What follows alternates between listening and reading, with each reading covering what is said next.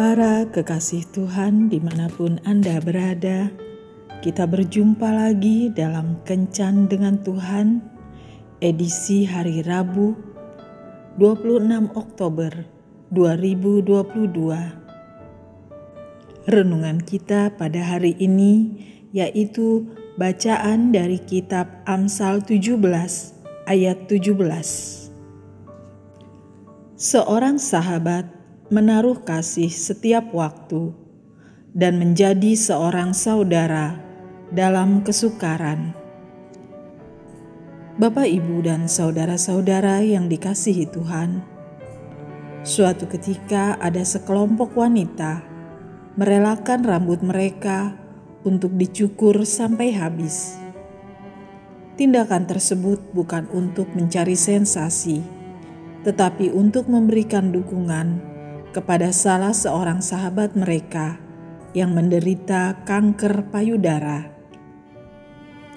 Saat salah seorang di antara mereka mengusulkan ide untuk mencukur rambut, tidak ada seorang pun yang menolak. Justru mereka senang bisa melakukan sesuatu yang dapat membuat sahabat mereka bahagia, sekalipun harus kehilangan mahkota yang membanggakan itu.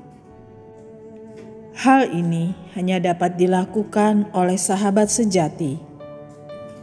Sahabat sejati tidak akan memikirkan untung dan rugi ketika melakukan sesuatu untuk sahabatnya.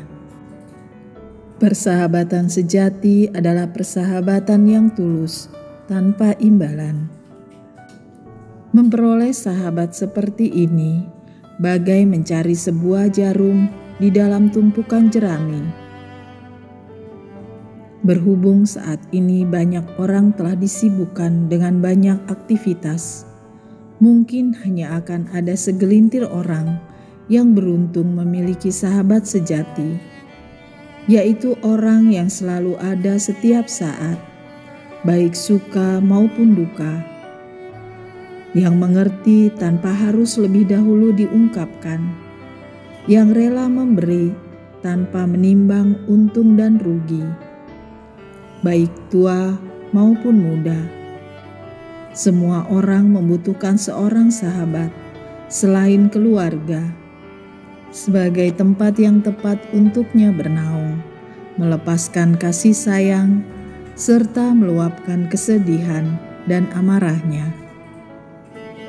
Namun sayangnya, tidak semua orang bersedia menjadikan dirinya sahabat sejati bagi orang lain.